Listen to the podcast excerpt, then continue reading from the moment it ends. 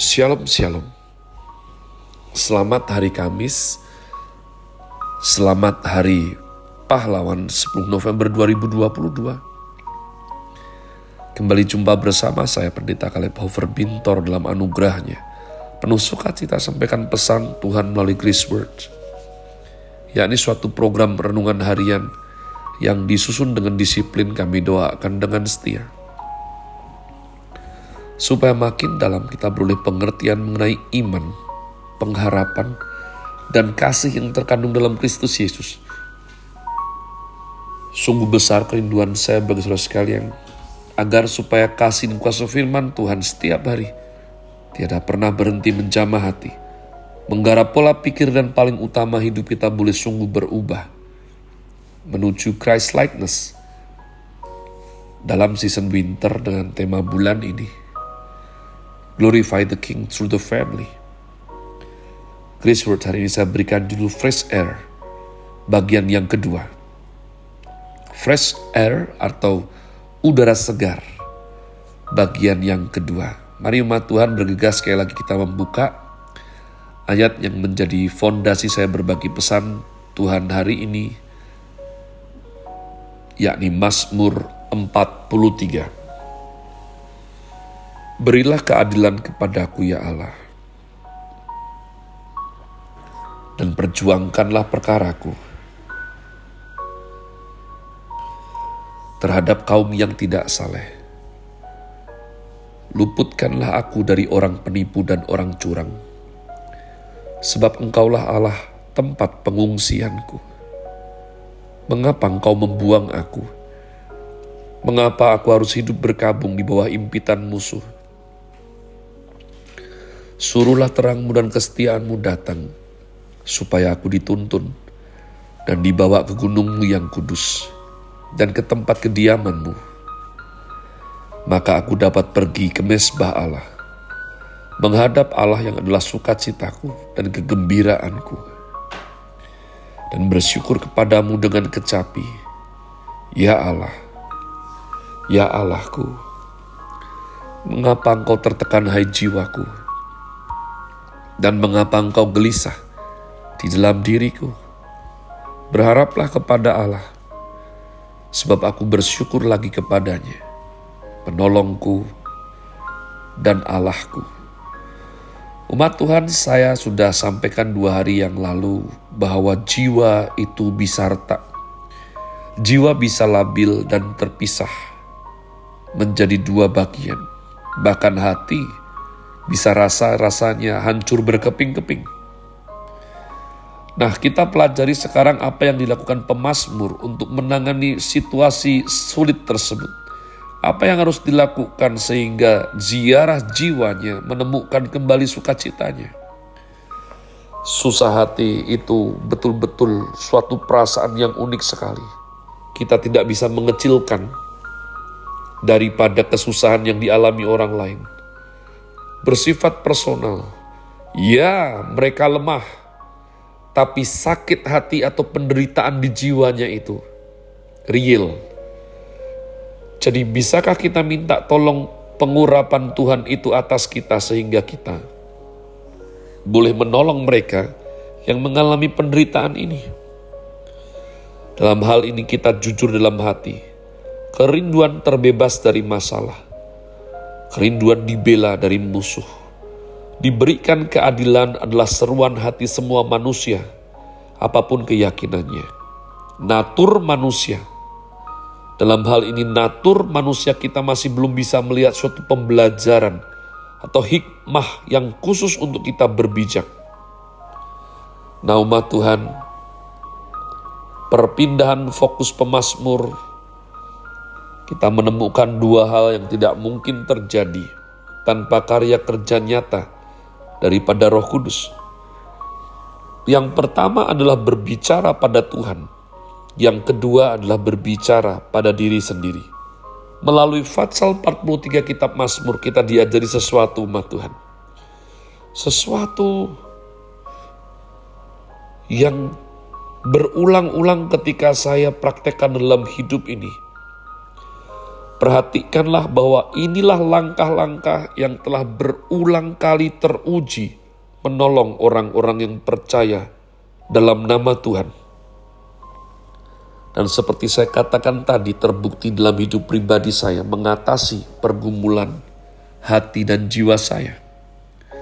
Berbicara pada Tuhan, berbicara pada diri sendiri Ketika manusia berbicara pada Tuhan, maka terdapat dua hal absolut harus dipastikan keberadaannya, yakni iman dan pengenalan mengenai apa atau siapa yang diimaninya. Saya ulang, iman yang pertama, yang kedua, pengenalan mengenai apa atau siapa yang diimaninya. Bahwa dalam merasa tertolak, dan tertindas oleh musuhnya, dia harus mengakui Tuhan sebagai tempat perlindungannya. Tanpa mengkaitkannya dengan Tuhan, percayalah tidak ada jalan keluar rumah Tuhan. Tidak ada. Rasa sesak di dada ini membutuhkan seperti udara segar. Rasanya ditekan dari semua sisi. Ya, kanan, kiri, muka, belakang. Jadi jalan satu-satunya dia harus naik ke atas umat Tuhan. Dia harus datang kepada sang penciptanya, juru selamatnya. Sehingga Tuhan menjadi tempat perlindungannya. Baru kelegaan bisa datang dalam jiwanya. Dan proses tersebut tidak berhenti di situ. Setiap orang yang sungguh-sungguh mengikut Tuhan harus mengalami melihat hal ini. Atau jika tidak, maka hidup kekristenannya akan berkubang di lubang yang sama. Dan selebihnya adalah permainan perasaan. Pemasmur melihat sesuatu yang lebih besar. Musuhnya sudah bukan orang lain lagi. Dia memutuskan untuk membereskan apa yang di dalam jiwanya. Sesuatu yang lebih mendesak kemenangan yang lebih penting, yakni bukan menang atas orang lain, namun benar di hadapan Allah. Kita semua berdoa untuk keadaan kita masing-masing, dan itu adalah baik adanya. Namun, bagaimana jika yang kita doakan belum atau tidak dijawab Tuhan? Dalam Mazmur 43, pemazmur menceritakan ziarah jiwanya. Bagaimana dia beralih dari menang atas musuh-musuhnya atau kerinduan dibela, ya, dikabulkan keinginannya menjadi seruan kepada Allah agar dia boleh dituntun oleh terang dan kebenaran Tuhan. Perhatikanlah ayat demi ayat yang tadi kita baca. Inilah hal yang menjadi pengalaman berharga. Orang-orang kudus yang dipanggil Tuhan. Dan dengan demikian, baru kita bisa mempelajari empat langkah tersebut dalam hidup kita. Secara pribadi. Saya berdoa sungguh-sungguh ya supaya kita boleh menjadikan ini sebagai guidance, menemukan kelegaan di jiwa kita kecuali caramu itu sudah menjadikan engkau tenang dan baik. Tapi saya sudah mengalami berbagai macam metode dan tidak ada yang memuaskan. Pada waktu ingin dimenangkan, pada waktu ingin dibela, bersegera apa maunya saya dikabulkan, hal aneh terjadi. Kadang saya tidak tahu pasti sebetulnya apa mau saya. Tapi ketika kita datang kepada Tuhan, apa yang diajarkan permasmur ini? Berbicara kepada Tuhan, berbicara pada diri sendiri, baru kita menemukan sesuatu. Umat Tuhan ziarah pemasmur ini bagaimana dia mengira keadaan sulit menderita yang dialami batinnya, yang mendera jiwanya, itu dikarenakan orang lain, dikarenakan musuh-musuhnya menjadi seruan untuk dia menangani konflik di dalam dirinya sendiri. Yang pertama ayat yang ketiga umat Tuhan, sang pemazmur beralih menjadi berdoa untuk minta terang dan kebenaran Tuhan nyata atas hidupnya. Send out your light and your truth, let them lead me. Ya, jadi dia menyatakan bahwa dia butuh Tuhan memimpin dia. Sudah bukan sudah bukan Tuhan menangkan aku. Kabulkan doaku tidak. Tuhan, tuntun aku. Aku butuh terangmu. Orang macam apa yang berseru minta terang? Ya, orang yang sadar kalau dirinya berada di dalam gelap. Dan ketahuilah, apa pun jenis kegelapan yang engkau alami, kegelapan itulah yang membuat sesak Tuhan Kegelapan itu yang membuat kita marah-marah tanpa sebab.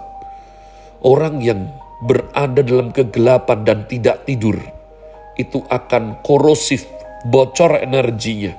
Ya, tensinya naik. Kenapa? Mau pergi ke mana pusing dia. Jidatnya ini pening umat Tuhan. Karena matanya dibuka gak lihat apa-apa.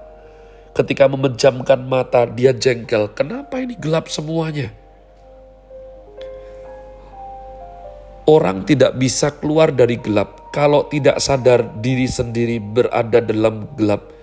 Hanya orang yang sadar diri sendiri ada dalam gelap berseru minta terang Tuhan dinyatakan. God is his refuge, but he feels forsaken. He feels rejected. And he knows better. God doesn't reject those who take refuge in him baru ma Tuhan.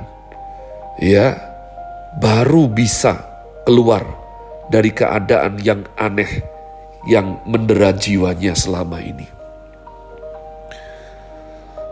Kenapa kalau hidup seolah baik-baik saja? Kenapa selalu merasa ada hal yang aneh yang membuat menderita? Maka dia berseru Tuhan, tunjukkanlah terangmu, tuntunlah aku sehingga aku boleh keluar daripada gelap dan hidup dalam jalan-jalanmu. Saya akan lanjutkan tiga poin yang lain. Saya berdoa engkau beroleh sesuatu, beroleh inspirasi, dan semoga dapat menjadikan suatu solusi yang aplikatif yang dapat diterapkan dalam hidupmu secara pribadi. Have a nice day. Tuhan Yesus memberkati saudara sekalian. Sola. Grazie.